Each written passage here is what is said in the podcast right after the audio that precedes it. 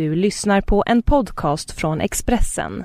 Fler poddar hittar du på expressen.se podcast och på iTunes.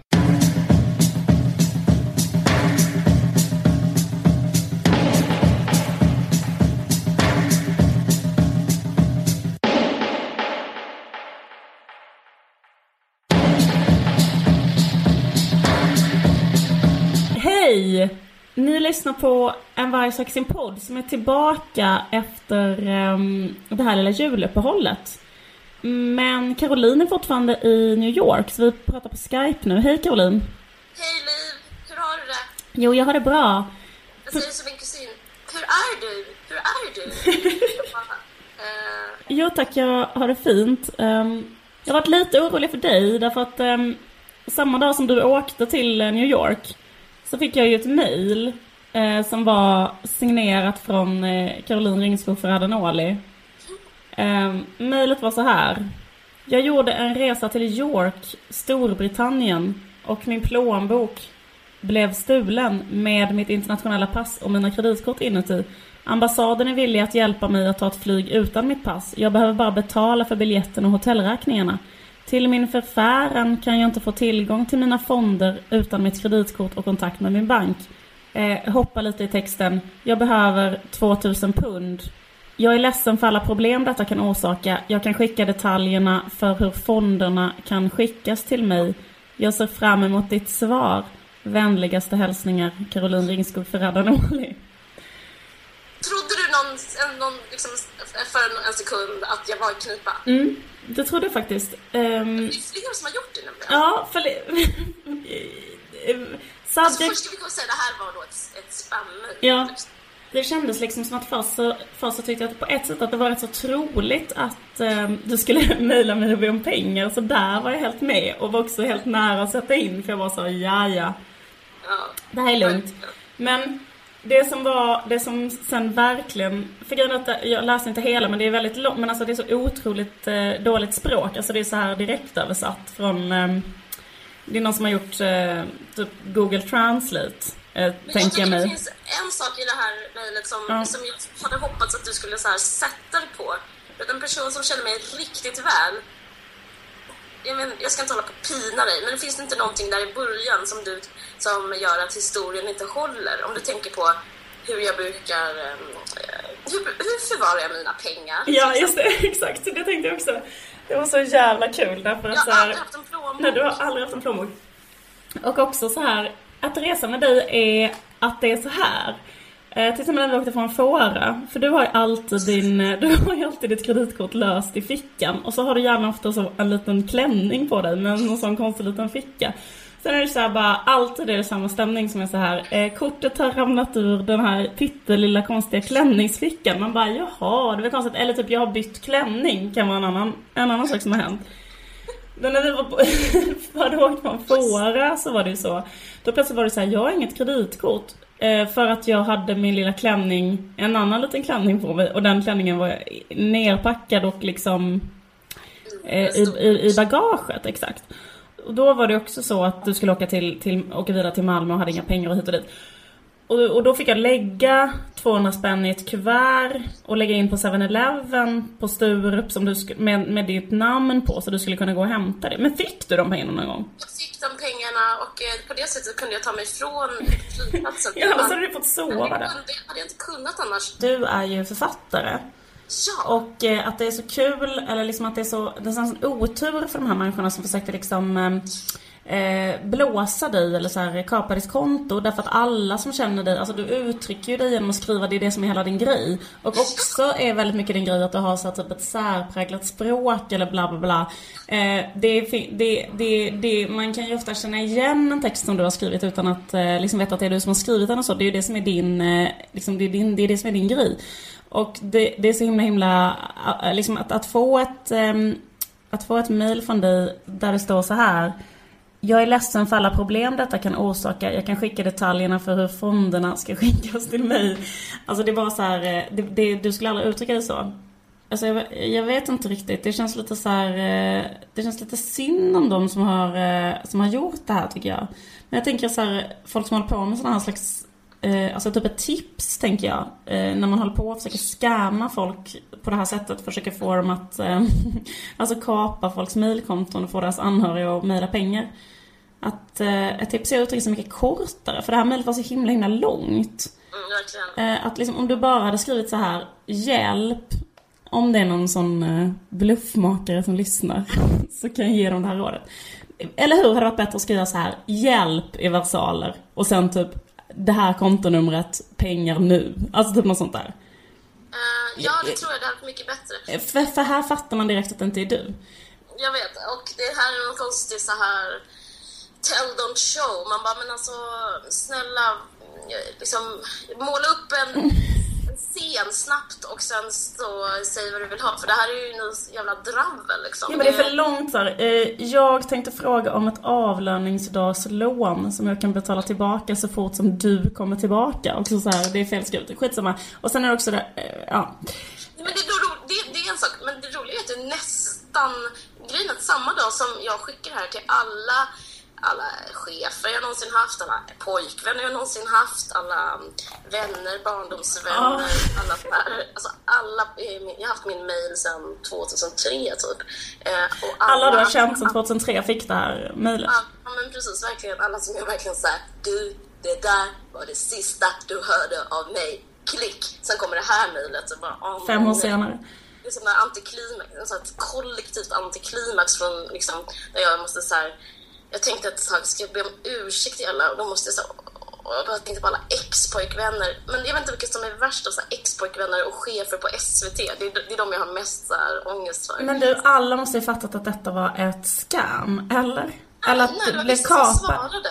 Eh, det liksom en, en person som jag lärde känna faktiskt mm, det här är som en ofrivillig röd tråd, men en eh, konstnär jag lärde känna i New York 2008 när jag var här, en annan gång jag var här. Han svarade, för han brukar skriva väldigt poetiskt till mig. Jag tror ämnesraden var hjälprop. Och han bara, hjälprop från Weimarrepubliken. Jag bara, nej alltså, vi, eh, det här är inte typ den här grejen när vi är poetiska mot varandra och har en sån eh, en slags så förspel per mail. Alltså, nej. Eh, Men eh, så han svarade och sen så svarade en annan person, jag tror det var typ någon som jag pluggade litteraturvetenskap eller juridik med som skrev så här ursäkta, det är otroligt dålig stil att inte be mm, om ursäkt om du ska skriva sånt här. Jag kan inte sätta in något, ej vänlig hälsning. Jag bara men Va? Ja, du vet, jag orkar. Alltså, Du, menar du allvar? och det konstiga var att många just på SVT svarade så här, eh, du vet det programmet Sverige, eh, de svarade så här, eh, ringde upp mig på Arlanda. Tja Caroline, alltså typ sådana redaktörer för farten. Tja Caroline, vill bara höra att allt är okej, det är okej med dig, du behöver inte pengar, du är inte i York. Jag bara, nej det, det var Gud, spam. vad hemskt. Men nu upplever, alltså just det här med, som pratade innan om att så här, blonda äger um, så här, den här blonda dominansen och det är så starka klasskillnader. Det går typ att leva mycket mer i, eh, i, uppe i det blå i Sverige känner jag. Alltså det går att vara en brat. Alltså jag är ju som en sån eh, med, över medelklass med kulturellt kapital så här, som unnar mig själv att inte ta ett riktigt jobb och istället skriva. Den stilen är, är full liksom, kompatibel om man bor i Sverige. Faktiskt till och med i Stockholm som är en så dyr stad. Men det går liksom inte här. Så att man, man får en sån wake-up call vad, vad fattigdom Ja. är. Lite för en själv, men framförallt för andra. Och det handlar väldigt mycket om att, överleva på ett annat sätt. Och Det är mycket närmare till att bli, alltså varken på riktigt bli uteliggare är mycket lättare att bli i USA. Ja, precis. Alltså, det, går, det finns ingen som... Det är liksom inte okej att så flumma runt och allting handlar jättemycket om att liksom, få pengar. Människor jobbar här på ett helt annat sätt. Eh, Och, eh, för det finns liksom ingen som tar hand om dem. Det sociala skyddsnätet är helt utraderat. Och det är en sak. Och allt är så dyrt här också. Så att, eh, jag blev väldigt så här, påmind om eh, min egen bortskämdhet eller min egen eh, slapphet. Så att, eh, jag har verkligen så här fått, börjat så här fått tagit mig en funderare liksom om det är så här moraliskt är det moraliskt försvarbart att hålla på och vara typ av författare? Jag liksom åkte, åkte hit utan nästan några pengar och håller på och så här lider nu varje dag av att den här stan är upp uppbyggd på ett sånt eh, konsumistiskt sätt. Det går liksom inte att leva här utan att konsumera. Liksom. Så Men också tycker jag ofta att det, att, det, att det är så oftare när man inte bor på ett ställe. Mm. Liksom för att få vara i det offentliga rummet så är det jätteofta att man måste ha pengar. Alltså det finns så få platser.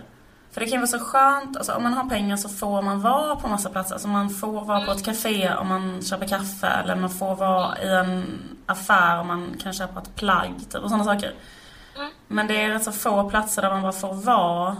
Alltså det är typ parker. Det är, en, det är bara så här totalt så här basic nivå men så finns det typ Alltså man tänker New York är så fantastiskt och liksom det, det är liksom stjärnstopp i möjligheter att så här, ha det gött. Alltså man kan ha det så gött så att liksom man bara, man bara vet, eh, vet inte bak och fram längre. Man sitter på byxorna på huvudet. Så härligt kan man ha det liksom. Man bara, ah det här är så härligt. Jag kan göra det och det och det och det. Man kan vara ute hela nätterna. Man kan så här, äta godaste som finns.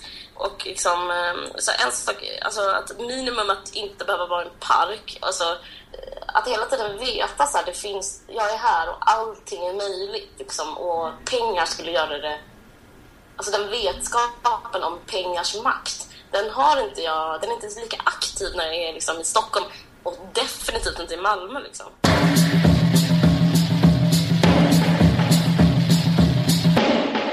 Men vad gör du annars? Du skriver?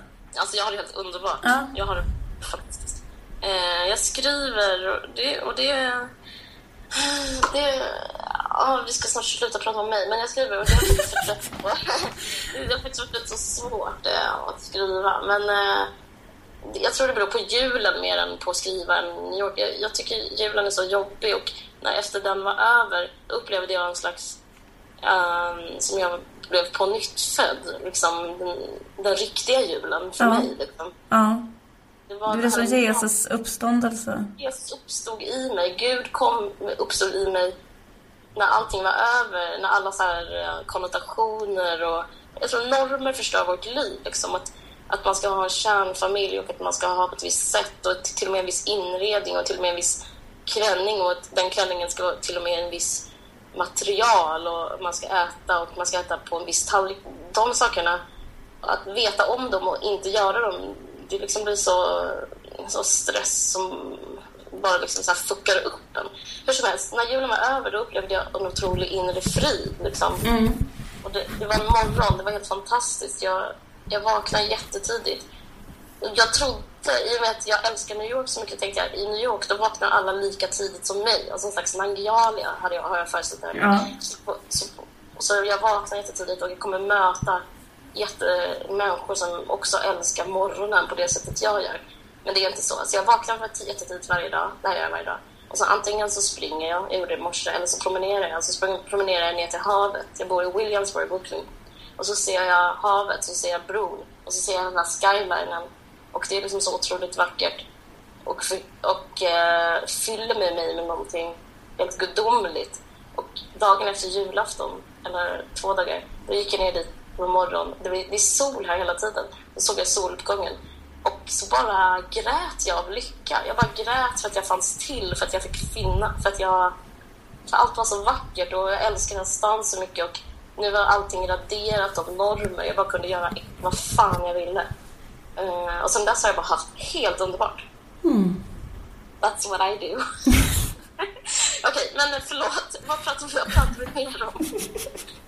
Jag tror att jag är en flummare. Jag tror fan jag är det. Jag, jag, jag faktiskt så här gillar såna här grejer. Jag, en natt så vaknade jag så här och så hade jag den här tanken i huvudet. White light. Jag bara, vitt ljus. Så började jag googla på det. Alltså. White light, du måste ha det på din coverbild på Facebook. Så fixade jag det och så bara kände jag en slags tillfredsställelse med universum. Det är, väl en, det är väl en flummare som tänker så här, som jag gör. Um, ja, det kan man kanske säga. Fast eh, jag vet inte riktigt. Det jag tänker på är liksom... Eh, alltså jag känner igen mig i det också. Alltså att, eh, att det är en slags talang också. Att till exempel få starka naturupplevelser och så. Alltså det är Ja. en slags nästa... Alltså det är typ en gåva liksom att kunna få det. Det Då tänkte jag på vad du har sagt i podden om att man alltid gråter när man tycker synd om sig själv. Och det var ju en grej, det tyckte jag ju inte då. Ja, fast, fast det, det, alltså, man kan ju också gråta. Jag, jag tror inte att jag har sagt allt. Jag tror mest sagt att så här, när, när jag verkligen så här, brukar så här, när det så brister för mig, typ när det är så här, det, det, det liksom nu verkligen så här kommer tårarna, då är det ofta så här för att det är synd om mig, typ. Ja, Men, ja, ja, men, men, men sen så kan man ju gråta för att någonting är eh, eh, jävligt fint. Men det är liksom en an, det är något annat, tänker jag. Alltså när man gråter av att något är vackert, typ, eller så. Jag tror jag fan aldrig gjort det innan, men det var, eh, det var, det var gött. Det var en ride om man säger. Det var härligt. Men, men hur har du det? Hur är det i Sverige? Jag har varit och kollat på eh, filmen Emil och Ida i Lönneberga. Som eh, jag var Det gör mig så deprimerad att du ens har gjort det. Att, det- att, att, att, att det, någon har gjort det. Ja, exakt. Jag såg den på bio med mitt barn. Han är fyra. Det är så speciellt med, ehm, med liksom Emilie Lönneberga för man tänker ju inte direkt så här på Emilie Lönneberga att det är en eh, liksom väldigt obehaglig liksom grundhistoria i Emilie Lönneberga. Men ehm, alltså det är ju liksom en sån eh, pappan i Emilie Lönneberga är ju en sån litterär pappa som typ är en slags kanske föregångare till den pappan i Knausgård. En typ jävligt, jävligt obehaglig, våldsam, auktoritär pappa med ett jätteallvarligt anger problem. Mm, verkligen. För det som händer, alltså på ett sätt så kändes det fint att jag fick introducera Nikolas, min lilla son, till um, litterat- världslitteraturen på det här sättet. Alltså typ att så här, han fick för första gången möta den litterära arketypen, den obehagliga pappan. Tycker du det? Alltså jag, jag har ju åsikten att så här, eh, den här, eh, vad heter det, här tunnelseendet som gäller att så här, eh, hypa Astrid Lindgren, att det måste, att det är destruktivt. Alltså det är så, det är så traumatiserande, alltså det hon i generationer, alltså hon, hon pinar barn i generation efter generation. Och jag tror det är för att föräldrarna inte riktigt känner till alltså det. Eller hur? Du kom på det här nu. Det är inte som att det, det är inte allmänt känt att det handlar om en så här, eh, pappa, en alkoholiserad pappa med eh, aggressionsproblem. Det tänker man inte på när man tänker på Emil och Lönneberga. Nej, men ja. Jag vet inte, jag tycker det liksom är... mm, Ja, jag, ty- jag tycker det är för mycket Astrid Lindgren. För, för, för mycket... För för lösa tyglar mot Astrid Lindgren. Men, ja, men du får säga till. Ja, precis. Alltså, nej men det som händer i Emilie Lönneberga, eller det som är liksom den så dramatiska eh, bågen eller den dramatiska vågrörelsen kanske man ska säga snarare. För det händer ju ofta liksom samma sak i Emil Lönneberg hela tiden. Och det är att han gör ett hyss. Eh, pappan blir utsatt för det här hysset. Och då, ehm, då skriker ju pappan så här jättehögt. Emil! Det här kände jag igen. Och varför skriker han det? Jo, för att han ska jaga Emil. Eh, då springer Emil själv in i vedboden och låser in sig där. För att han är rädd för att pappan ska hinna ifatt honom. Och så klarar han sig in till vedboden och då blir han inlåst där av pappan. Och så får han sitta där i flera timmar. Och eh, en grej som, eh, och, och, och då frågar man ju sig vad, vad skulle hända ifall pappan skulle um, hinna ifatt honom? Är det att han bara skulle misshandla honom så eh, jävla grovt? Är det att han bara skulle spöa upp honom från topp till tå? Jag vet I inte. so. Ja, I guess so. Exakt, det är det som är hotet. Det är därför det är Det är väldigt... sånt jävla, sånt jävla hot. Ja precis, det är så friskt obehagligt. Och det påminner lite grann om, vad ska man säga, eh, den där prästen i Fanny och Alexander eller sådana slags litterära pappor. Och en grej som händer, eh, som de eh, beskriver i filmen, det är också så att när Emil har kommit in i snickarboden, då eh, säger eh, liksom berättarrösten så här. Ja, och då låste pappan utifrån så att inte Emil skulle komma ut. Och sen så låste Emil inifrån så att inte pappan skulle komma in. Eh, För att Emil är så rädd för att då bli eh, misshandlad av sin pappa. Och, eh, och sen så är det, och sen bara hela, hela grejen att låsa in ett barn som straff. Och att en sak som, alltså han är inlåst i den här filmen då, så blir han också inlåst en hel dag en gång. Och då blir han så ledsen och arg så han vill aldrig mer komma ut. Han säger så här, jag ska sitta här inne tills jag dör för jag vill aldrig mer komma ut för jag har fått sitta här inne hela dagen. Han har inte ens fått ta på sig kläder för att han har bara på sig nattskjorta hela dagen för att han har inte fått komma ut. En jävla sadist. Eh, jag menar, eh, SOS eh, skulle ju eh, för, eller som alla gånger ingripa om, om någon låste in ett barn en hel dag i, na, i nattskjorta utomhus. Men, eh, nej, jag menar att det är så konstigt att det liksom inte alls är en eh, diskussion gällande Emil Lönneberga. Men grejen är, det här är liksom min käpphäst, det här är min hjärtefråga. Det här får mig att gå upp på morgonen. Det här att Astrid Lindgren eh, skriver så fruktansvärt eh, sadistiska och penalistiska böcker. Det är liksom, det kan du, när du gör den där paviljongen, då kan du, du kan liksom skriva en liten lapp Astrid Lindgren ska få Nobelpriset. Alltså det, det är så himla jättekonstig nationalism kring henne i Sverige.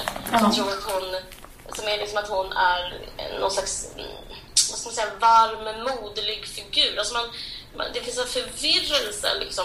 Men hon, hon har ju, hon, jag minns, alltså hon förstörde mitt liv. Jag, du, du vet, allting handlar om att man är fattig och att man dör och att man... Eh, det är hela tiden olika så skräckmoment. Alltså kommer du ihåg Mio min Mio? Ja, precis. Men jag tycker att man kan liksom dela upp hennes författarskap i två delar. Dels är det de där Mio min Mio och Nils Karlsson Pysslingarna som är mycket så här, ett syskon dör, eh, alltså hela den här grejen med bränna lejonhjärta och så. Men sen har vi en, en, en, en grej som ändå brukar räknas till mer som feelgood. Alltså då menar jag, det är det här som Sverigedemokraterna älskar av allt annat. Alltså Barnen i Bullerbyn, eh, Emil i Lönneberga. För Emil i Lönneberga är i alla fall inte så här. Sen blev Emil satt på ett barnhem, lilla Ida dog i bleksot. Eh, Emil kom till ett sagoland. Nej men det är ju typ, det, det bevisar ju tesen att liksom det mesta av våldet sker liksom inom hemmets lyckta dörrar. Alltså jag tycker liksom, det, finns så här eh, mikro och makrovåld. Alltså typ Ronja Rövardotter är också liksom där makrovåld. Man, är, man lever helt utsatt i en skog och kan bli ihjälhackad av en slags människofågel. Och eh, Barnen i Bullerbyn är också sån stämning. Där får alla verkligen vara med? Det är så social kontroll och eh, ah, jag vet inte, jag, jag har alltid känt mig extremt illa berörd och alltså, om man är känslig som barn så är det liksom eh, att, att överhuvudtaget ha en konflikt i barnberättande tycker jag är helt... Eh, det är så jävla präktigt. Varför ska man uppfostra barn eh, och lära dem om eh, svårigheter? Det, det, finns ju en sån barnbokstradition i Sverige, typ att man alltid ska så här, prata om hur det är att ha kanske en hbtq-familj, att vara utanför, att vara svart, att, eh, liksom, eh, att någon dör, att ett djur dör. Det kan man i alla fall inte anklaga eh, alltså ledningen för att prata om svarta människor i hbtq-familjer.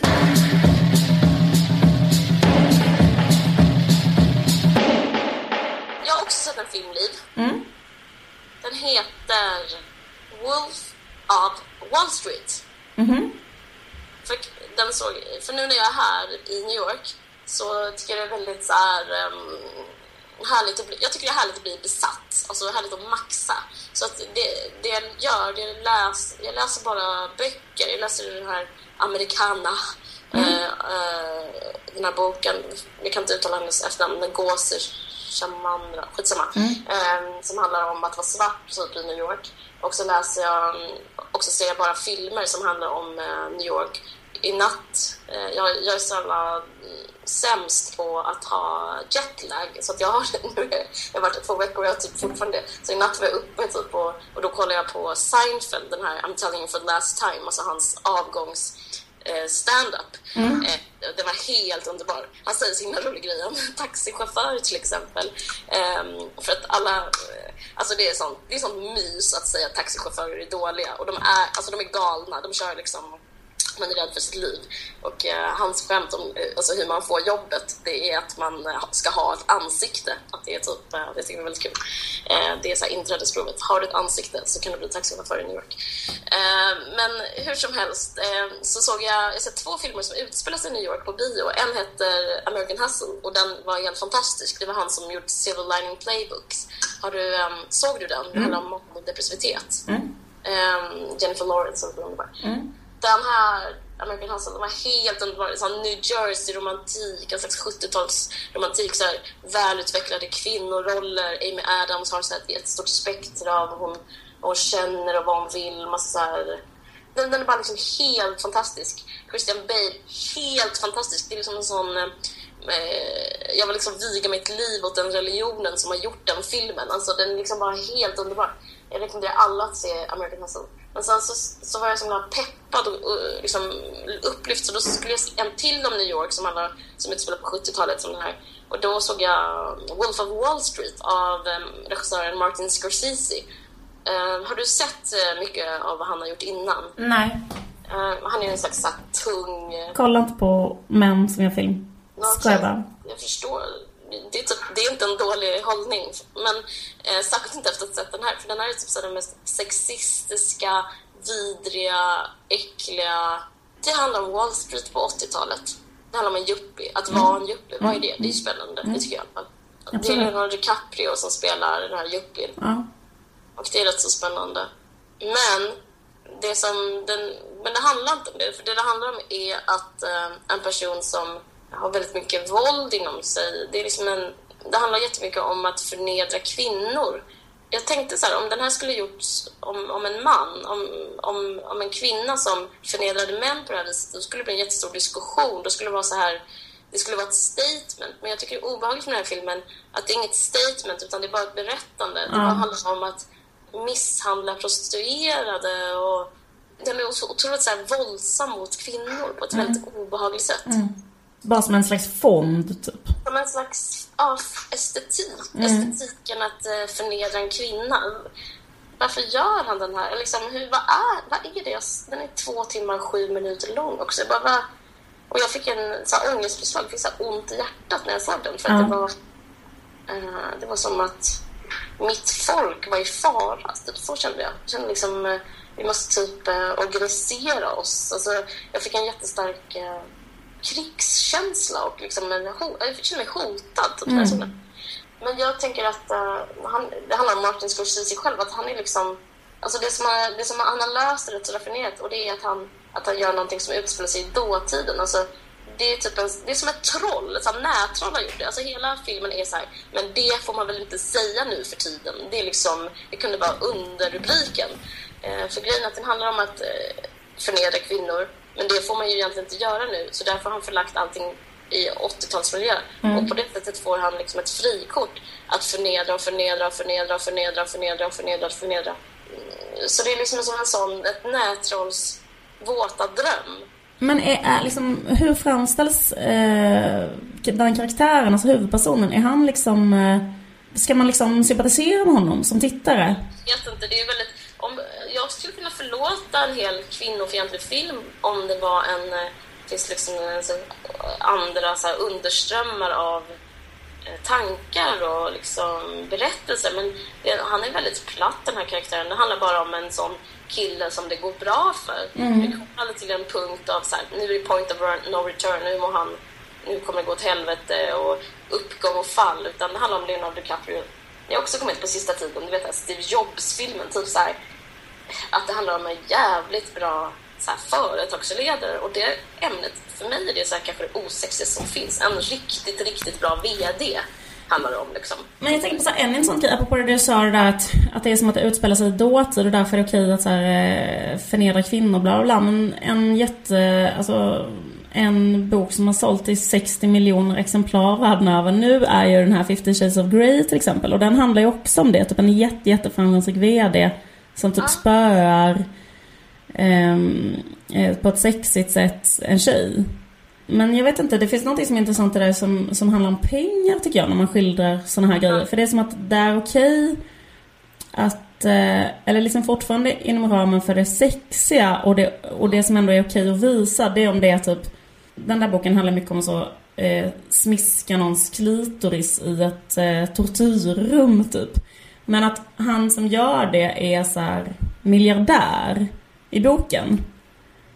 Och det gör att det ändå blir sexigt för folk att läsa det. Tänk dig att, en, att eh, han i 50 Shades of Grey skulle vara så här en eh, långtidsarbetslös muslim i en förort. Mm, jag är så frustrerad. Jag kan, inte- kan, du kan inte säga sånt till mig. Va? Det låter så sexigt. Ja men typ så här, om det var så här, eh, Christian Grey, en långtidsarbetslös muslim eh, med en sexig förkärlek för BDSM, träffar 25-åriga skönheten Anna, tar henne till sin en och en halva i ena halvan av rummet har han inrett en tortyrkammare. Där till J-tåget som så... Ta J-tåg. Ta J-tåget, byt där till shuttlebussen och sen kom till en och en halvan. Kom till ena halvan. Dra för draperiet. Han har gjort en sån eh, compact living så han har ett draperi. så att ena halvan, Det övergår också sen till vardagsrummet. Eh, nej det övergår till som så att han kan få plats med ett tortyrrum. Där tar han hennes anala oskuld på ett jävligt sexigt sätt. som konstens advokat, Mm. en allmän konstadvokat, är att om det berättas bra, alltså absolut, gör era så här BDSM-grejer, absolut. Jag ska inte stä- sätta mig, ställa mig liksom i vägen. Men alltså, om det inte är ens en bra historia, Ja. om det är typ snarkig historia som är så här, någon, eh, typ, nu när jag berättar för dig, så här, vad handlar det om? Ja, men någon börsmäklare som Eh, han kanske gjorde typ något fel när han betalade in skatten och så kanske FBI har ett case. Eh, jag, alltså det är liksom, och så utan några relationer, utan någon mörker och utan liksom, något spektra i ens personlighet.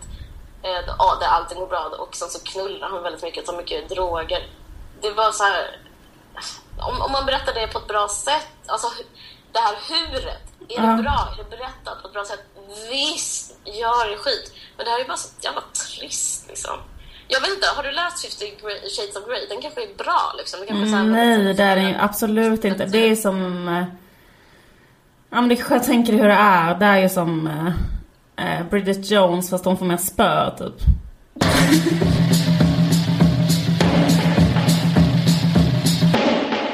Vi har pratat väldigt länge så vi kanske ska sluta prata. Egentligen så vill jag prata jättelänge om att jag har en ny identitet. Att hispanics är den nya underklassen och att jag tillhör dem. Och det, är väldigt det gör väldigt mycket med min varseblivning om mig själv, det egna jaget. Vi kan ta det nästa gång faktiskt. Ska vi ta det som en cliffhanger till nästa avsnitt av En vargsexen-podd? Och eh, den kommer om två veckor.